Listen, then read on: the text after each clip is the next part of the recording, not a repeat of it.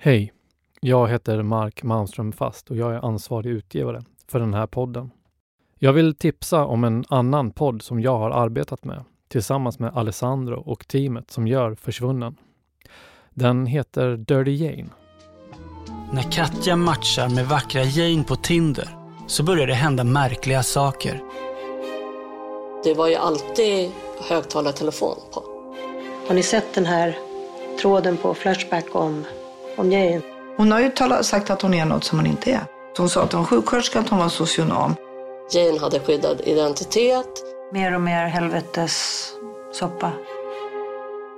I en kärleksrelation råder det egna lagar. Och vad man tolererar i kärlekens namn kan få förödande konsekvenser. Det är som en spindel. Och det är ganska gulligt och det killas och det är lite lätt. Sen börjar den krypa innanför tröjan, inte så skönt. Och till slut har den liksom krupit in och krupit upp i hela din hjärna och gjort ett spindelnät så du har inte egna tankar kvar. Så mycket svek och lögner och missbruk och bedrägerier och... Det är så, så vi tolkar det, att hon är kapabel till vad som helst. De har hittat Katja i källaren. Jag bara, va?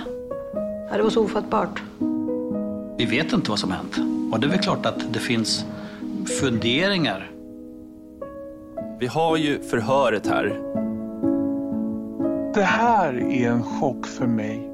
Jag vet inte vad det kan vara för vittnesuppgifter ni har.